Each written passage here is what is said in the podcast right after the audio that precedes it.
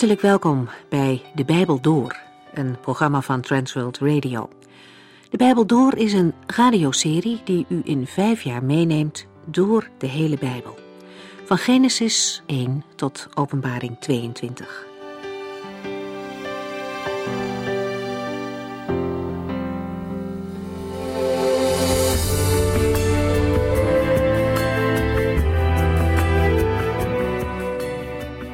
We zijn inmiddels in het boek Genesis bij hoofdstuk 12 aangekomen. En voor we daarop ingaan, geef ik u nog de hoofdlijnen van de vorige Bijbelstudie.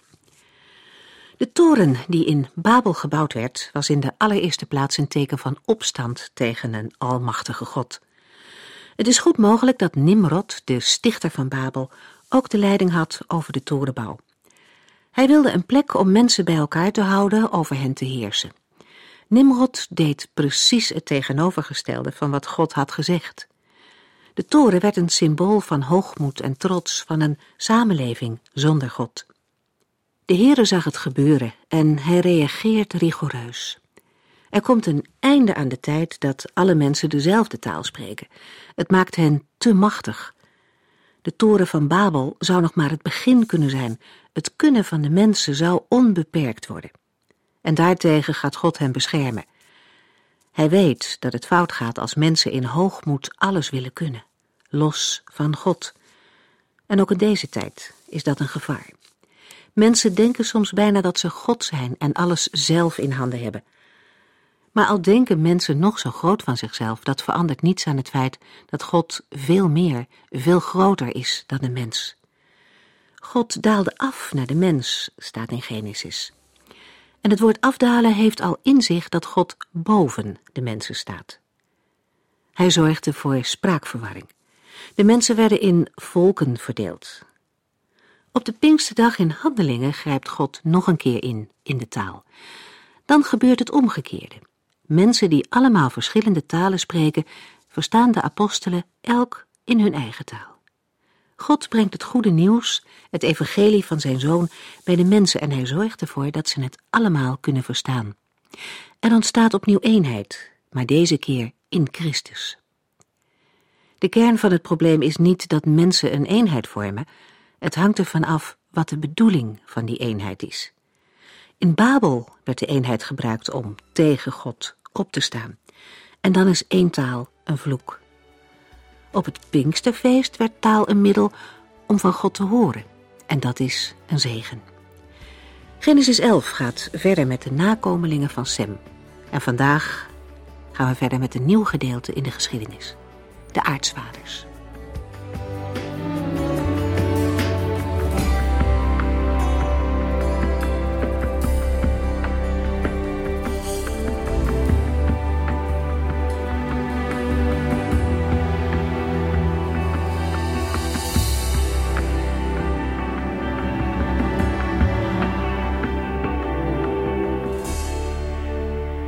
Met het twaalfde hoofdstuk van Genesis begint een nieuw gedeelte in het Bijbelboek.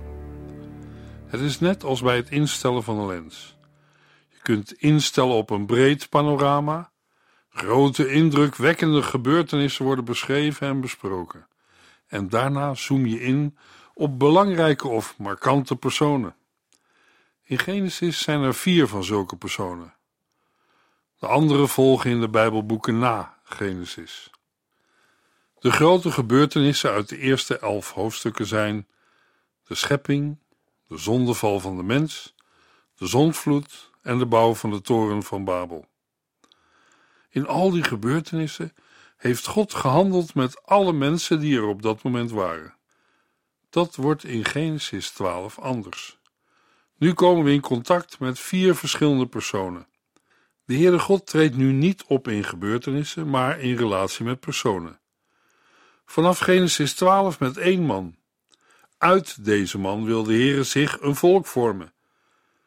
In grote lijnen ontdekken we in Genesis 12 tot en met hoofdstuk 50 de volgende indeling.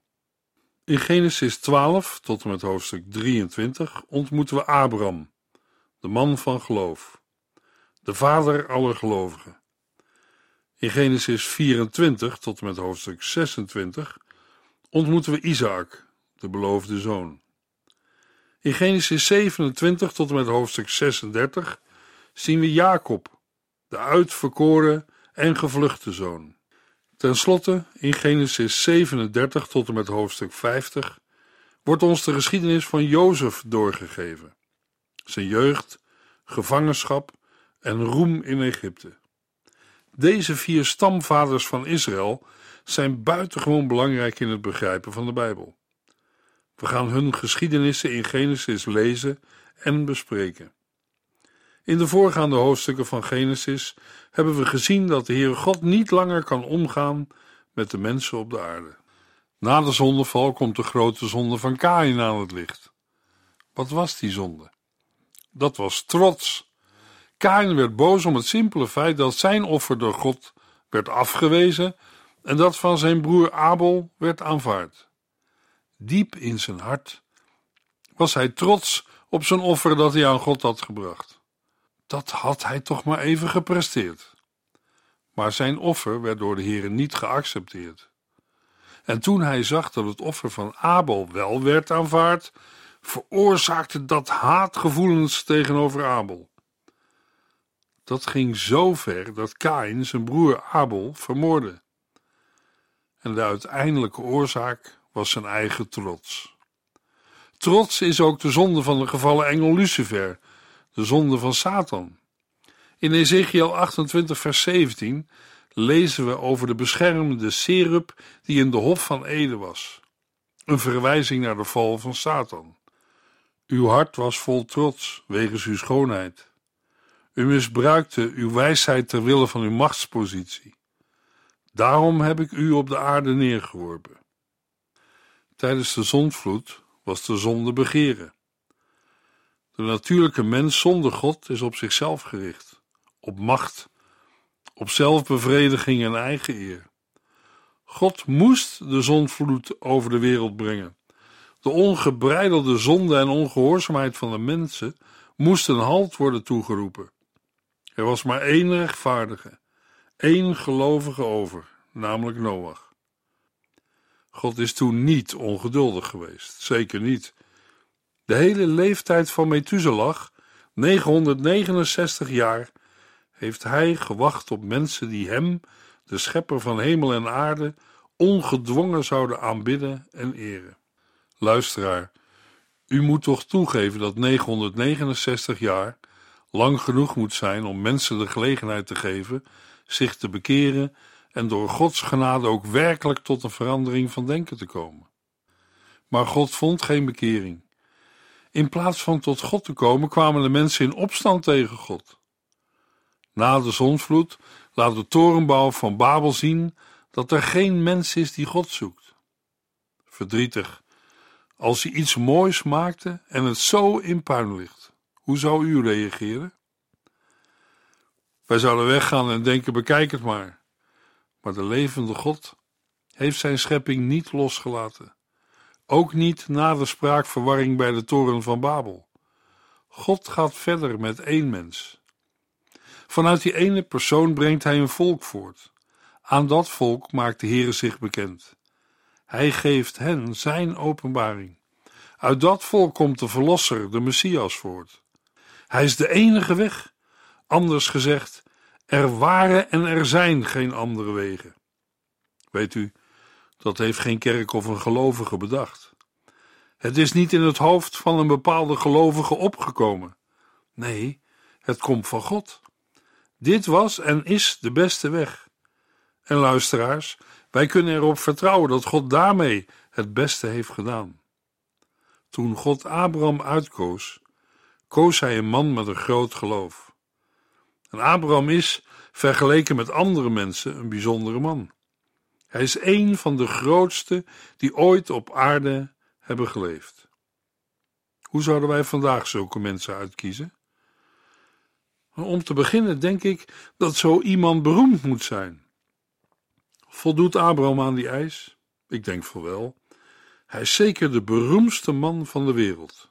Waarom? Nou, om te beginnen, de drie grootste wereldgodsdiensten gaan terug op Abraham: het Jodendom, het christendom en de islam. Ze vermelden allemaal de geschiedenis van Abraham. Er zijn letterlijk miljarden mensen, bijvoorbeeld in Azië en Afrika, die wel van Abraham hebben gehoord, maar nog nooit van de belangrijkste ontwikkelingen in hun eigen land. Ik denk dat we het er wel over eens zijn dat een van de kenmerken van een groot man beroemdheid is. Abraham was een groot man. Een ander kenmerk van een groot man is dat hij oprecht moet zijn. Hij moet een edel karakter hebben. Ook dat kun je zeker van Abraham zeggen. Ik betwijfel of er een man heeft geleefd, behalve Jezus Christus, die zou kunnen doen wat Abraham heeft gedaan. Toen hij en zijn neef Lot terugkwamen uit Egypte, zei Abraham tegen Lot dat hij elk deel van het land mocht kiezen dat hij wenste. Als jij het oosten kiest, ga ik naar het westen, of andersom. Wat denkt u, zou een zakenman zoiets doen? Zelfs in de kerk zouden wij zoiets niet zomaar doen. Maar Abraham was een edelmoedig man. Een ander voorbeeld is de ontmoeting van Abraham met de koningen van Sodom en Gomorra. Abraham had Lot bevrijd. We komen later op deze geschiedenis terug. Met Lot was er ook een flinke buit meegekomen. De koning van Sodom vroeg: Geef mij mijn mensen terug, de rest van mijn goederen mag u houden. Maar Abraham weigerde. Hij zei: Ik zweer bij de Heere God, de Allerhoogste, de schepper van hemel en aarde. Nog geen schoenveter zal ik van u aannemen. Anders kunt u later zeggen: Ik heb Abraham rijk gemaakt. Genesis 14, vers 23. Een derde kenmerk is dat een groot man geleefd moet hebben in een tijd die invloed heeft gehad op de tijd erna. Een belangrijke tijd, bijvoorbeeld een tijd waarin Napoleon leefde en er veel veranderde. Een mens en de tijd die samenkomen op een kruispunt van de wereldgeschiedenis. Dat gebeurde ook werkelijk met Abraham. Mogelijk dat u instemde met de drie kenmerken die ik in het voorgaande noemde, maar ik ben benieuwd of u dat ook doet met het vierde kenmerk. Het vierde kenmerk is namelijk het geloof. In de Bijbel lezen wij wat het belangrijkste was wat Abraham bezat. Abraham vertrouwde op God. Hij geloofde wat God hem had beloofd. Als moderne westerse mensen willen wij dan graag weten: wat leverde dat geloof Abraham nu precies op? Wat heeft hij eraan gehad? In het Bijbelboek Romeinen lezen we daarop het antwoord. In de boeken staat het zo: Abraham geloofde God en daarom beschouwde God hem als rechtvaardig mens. Romeinen 4, vers 3. Mogelijk voor ons een verrassend antwoord. Wat heb je daar nu aan? Maar als God een mens als rechtvaardig beschouwt, dan ben je goed af. Dat is de grootste zegen die een mens kan overkomen. Was Abraham zo volmaakt? Nee, hij faalde vele keren. De Heer God heeft Abraham vier keer op de proef gesteld en vier keer ging hij plat op zijn gezicht. Wanneer de levende God je hart en je leven binnenkomt, dan kun je ook nog vallen. Dat laat het leven van Abraham zien. Maar het leven van Abraham laat ook zien dat een mens weer kan opstaan en opnieuw mag beginnen. In de volgende hoofdstukken van Genesis zullen we ontdekken dat de Heere zeven keer aan Abraham is verschenen. Genesis 12. De roeping van Abraham en Gods belofte. De eerste drie versen van hoofdstuk 12 geven een drievoudige belofte van de Heere God aan Abraham. We mogen het zien als een hoogtepunt in de Bijbel. Alles hierna geeft een bredere uitleg van de belofte aan Abraham. Genesis 12, vers 1 tot en met 3. Eerder had de Heere Abraham de opdracht gegeven: verlaat uw land en uw familie en ga naar het land dat ik u zal wijzen. Dan zal ik u de vader van een groot volk maken. Ik zal u zegenen en uw naam overal beroemd maken. U zult vele anderen tot een zegen zijn. Als iemand u zegent, zal ik hem zegenen, en als iemand u vervloekt, zal ik hem vervloeken.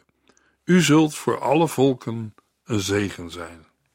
De belofte van de Heer aan Abraham is drievoudig. De eerste belofte is de belofte van een land. God zegt: Ga naar het land dat ik u zal wijzen. God zal Abraham een land laten zien en geven. De tweede belofte is: Dan zal ik u de vader van een groot volk maken. Ik zal u zegenen en uw naam overal beroemd maken. Als iemand u vervloekt, zal ik hem vervloeken. De derde belofte is: U zult voor alle volken een zegen zijn. Geweldig, als de levende God een mens dit belooft. Aan de andere kant komt direct de vraag op: Heeft God zijn belofte ook waargemaakt? God heeft Abraham zeker tot een groot volk gemaakt. Een volk dat op de dag van vandaag nog steeds bestaat. Dat zullen vele volken van toen niet kunnen zeggen. Geen volk kan zich met Israël vergelijken. En het tweede deel van de belofte? Is Abraham een zegen voor alle volken geworden? Dat denk ik wel. In ieder geval door de Heer Jezus Christus. In hem is Abraham en zijn nageslacht tot een zegen voor de hele wereld geworden. Maar ook door de Bijbel. Het woord van God is ook door Abraham en zijn nakomelingen tot ons gekomen. God heeft de belofte aan Abraham vervuld. Toch is de landbelofte op dit moment maar gedeeltelijk vervuld. Op grond daarvan zeggen sommigen dat de Heere God de belofte niet volledig is nagekomen. Laten we dat punt eens wat beter gaan bekijken. Twee derde van de belofte is tot de letter uitgekomen. Maar God heeft ook gezegd dat hij hen niet in het land zou laten wonen als Israël ongehoorzaam zou worden. En het volk Israël is ongehoorzaam geworden. En daardoor kunnen wij vandaag niet zeggen dat God zijn belofte niet is nagekomen. God doet precies wat hij heeft gezegd. Wij kunnen hoogstens zeggen dat de landbelofte voor Israël nog niet tot een volledige vervulling is gekomen. Uit de Bijbel weten we ook dat er een dag zal komen waarop de Heer het hele volk Israël zal doen terugkeren naar het beloofde land. Dan zullen zij het land bezitten vanaf de Eufraat in het oosten en het noorden, tot aan de grenzen van het land van de Hethieten, tot aan de Nijl van Egypte, die de rivier in de woestijn is. Tot op vandaag heeft Israël nooit het hele land in bezit genomen dat de Heere God hen had toegezegd. Op de top van hun macht hebben ze bijna 78.000 vierkante kilometer in bezit genomen. Maar dat was lang niet alles van wat God hen wilde geven. In feite had God hen een gebied toegedacht dat tien keer groter was. Bij de inname van het beloofde land heeft Israël niet gedaan wat de Heere God bevolen had. Voor vandaag betekent het dat Israël nog een lange weg heeft te gaan. Als zij gehoorzaam aan het woord en het land innemen dat de Heer hen heeft toegezegd, dan zullen zij het land bezitten. Daar kan geen organisatie of regering iets aan veranderen. Laten we afwachten wat God zal gaan doen. Hij zal zeker doen wat hij heeft gezegd. Wij hoeven niet angstig te worden door berichten in de krant en verontrust door wat er in de wereld gebeurt.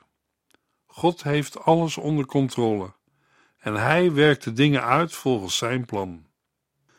Wat is het antwoord van Abraham op de belofte van God? Toen Abraham nog in Mesopotamië woonde, kwam God bij hem en zei: Verlaat uw land en uw familie en ga naar het land dat ik u zal wijzen. Hij trok weg uit zijn vaderland en ging naar Garan. Daar bleef hij wonen tot zijn vader, die met hem mee was gegaan, stierf. Daarna leidde God hem naar dit land waar u nu woont. Handelingen 7, vers 2 tot en met 4. Abraham gehoorzaamde en trok weg uit Ur der Galdeeën.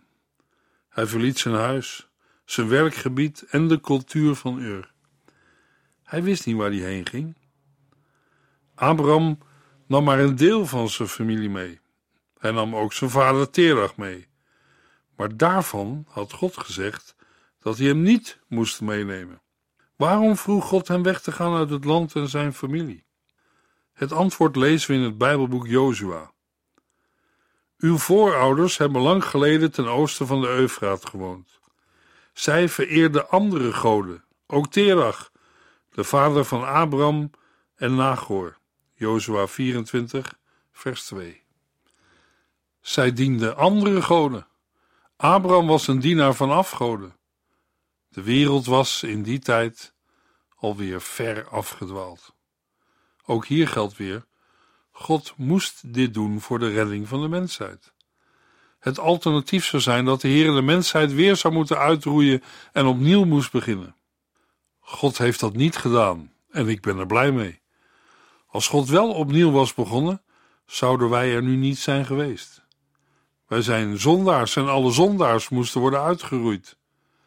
Dank u, Heere God, u bent een God van genade en barmhartigheid. U redt mensen, zondaars, die in zichzelf verloren zijn. We gaan verder met de Bijbel. We noemden Abraham gewoon Abram, tot aan Genesis 17, waar de Heere God zijn naam verandert in Abraham. Abraham gehoorzaamde de Heere en vertrok met zijn neef Lot. Abraham was toen 75 jaar oud. Genesis 12, vers 4. Abraham vertrok zoals de Heere bevolen had. Nu moest hij Gods aanwijzingen en leiding volgen tot in het land Canaan. En zijn neef Lot ging met hem mee. O, o, als dat maar goed gaat. Want dat had de Heere niet geboden en is een daad van ongehoorzaamheid. Hij nam zijn vrouw Sarai, zijn neef Lot en al zijn bezittingen mee, vee en slaven, die hij in Haran had verzameld. En zo kwamen ze in Canaan aan. Genesis 12, vers 5. Abraham nam zijn vrouw Sarai mee, en dat was natuurlijk goed. Ook zijn bezittingen en Lot. Maar de tijd die Abraham in Haran doorgebracht had, moeten we zien als een tussentijd. Een tijd waarin de zegen van God werd uitgesteld. God verscheen niet aan hem totdat hij in het beloofde land was aangekomen. Totdat hij zich had afgescheiden van zijn naaste familie. Hij nam alleen Lot en zijn bezittingen met zich mee. En zij kwamen in Canaan aan. Trekkend door het land kwamen ze in de buurt van Sichem, bij het eikenbos Moreh. In dat gebied leefden in die tijd Canaanieten. Genesis 12, vers 6. We komen nu bij een belangrijk punt. Veel mensen denken dat Abraham Ur der Galdeeën verliet om het ergens anders beter te krijgen. Op weg naar een land vloeiende van melk en honing, waar alles geweldig was. Ze zijn van mening dat Abraham in dit land een betere situatie zou aantreffen. Maar dat is niet waar. We lezen dat nergens in de Bijbel. Uit opgravingen weten we dat Ur in die tijd een hoge beschaving bezat. Ur was een grote en welvarende stad. En Abraham liet dat allemaal achter en kwam in het land Canaan. In Canaan woonden Canaanieten. Zij hadden geen hoge beschaving, maar waren barbaars en dienden andere goden. Abraham ging er niet naartoe om er beter van te worden. Hij was er naartoe gegaan in gehoorzaamheid aan God. Toen Abraham God had gehoorzaamd, gebeurt er het volgende. Daar verscheen de Heer opnieuw aan Abraham en zei: Dit land zal ik aan uw nageslacht geven. Abraham bouwde een altaar op de plaats waar hij de Heer ontmoette. Genesis 12, vers 7. Abraham bouwt een altaar voor de Heer wanneer hij voor de tweede keer aan hem verschijnt. Toen hij in Haran was, de plaats van oponthoud, was God niet aan hem verschenen. We kunnen zien dat een van de redenen dat wij niet altijd worden gezegend, ongehoorzaamheid is. Wanneer we God gehoorzamen, zullen we meer worden gezegend. Dat zien we in de ervaring van Abraham, wanneer God niet aan hem verschijnt, totdat hij weer verder trok in gehoorzaamheid aan God. En dan verschijnt God weer aan hem. Dan bouwt Abraham een altaar en we zullen zien dat hij een echte bouwer van altaar is. Daarna trok hij in zuidelijke richting naar het heuvelachtige gebied tussen Bethel in het westen en Ai in het oosten. Hij zette daar zijn tent op, bouwde een altaar voor de Heere en aanbad hem. Genesis 12, vers 8. Abraham doet twee dingen als hij in Canaan is aangekomen. Hij zet zijn tent op, en wij zouden dat vergelijken met het kopen van een huis in een nieuwe wijk en er gaan wonen. Het tweede dat hij doet is het bouwen van een altaar. Een altaar als een getuigenis aan God. Overal waar Abraham heen trekt, laat hij een getuigenis achter. Genesis 12, vers 9. Zo trok Abraham steeds verder naar het zuiden in de richting van de Negev. Het zuiden is de richting van het warme weer. Daar trok Abraham naartoe. Een rondtrekkende reiziger, een nomade. Maar ging alles van een leien dakje? Nee. Er waren ook bij Abraham zaken die misgingen. Genesis 12, vers 10. Er brak echter een zware hongersnood uit in Canaan. En Abraham besloot naar Egypte uit te wijken. Abraham woonde nu in het beloofde land. Maar God had nooit tegen hem gezegd dat Abraham de plaats waar hij nu was moest verlaten. Ja, maar, zal iemand zeggen, er is toch alle reden om weg te trekken? Vers 12 begint met de mededeling: Er brak echter een zware hongersnood uit in Canaan. Laten wij bij het begrip dat we voor de situatie van Abraham hebben, niet vergeten dat God niet tegen hem had gezegd dat Abraham naar Egypte moest gaan. Toen God de laatste keer aan hem verscheen, had de Heere gezegd: Dit is het land dat ik je ga geven. Je zult worden gezegend en ik zal je op deze plaats gaan zegenen. Maar Abraham ging naar Egypte. Geloofde Abraham God niet meer? Geloofde hij niet dat de Heer ook in een land dat door hongersnood wordt getroffen, hem zal zegenen? Abraham gaat naar Egypte.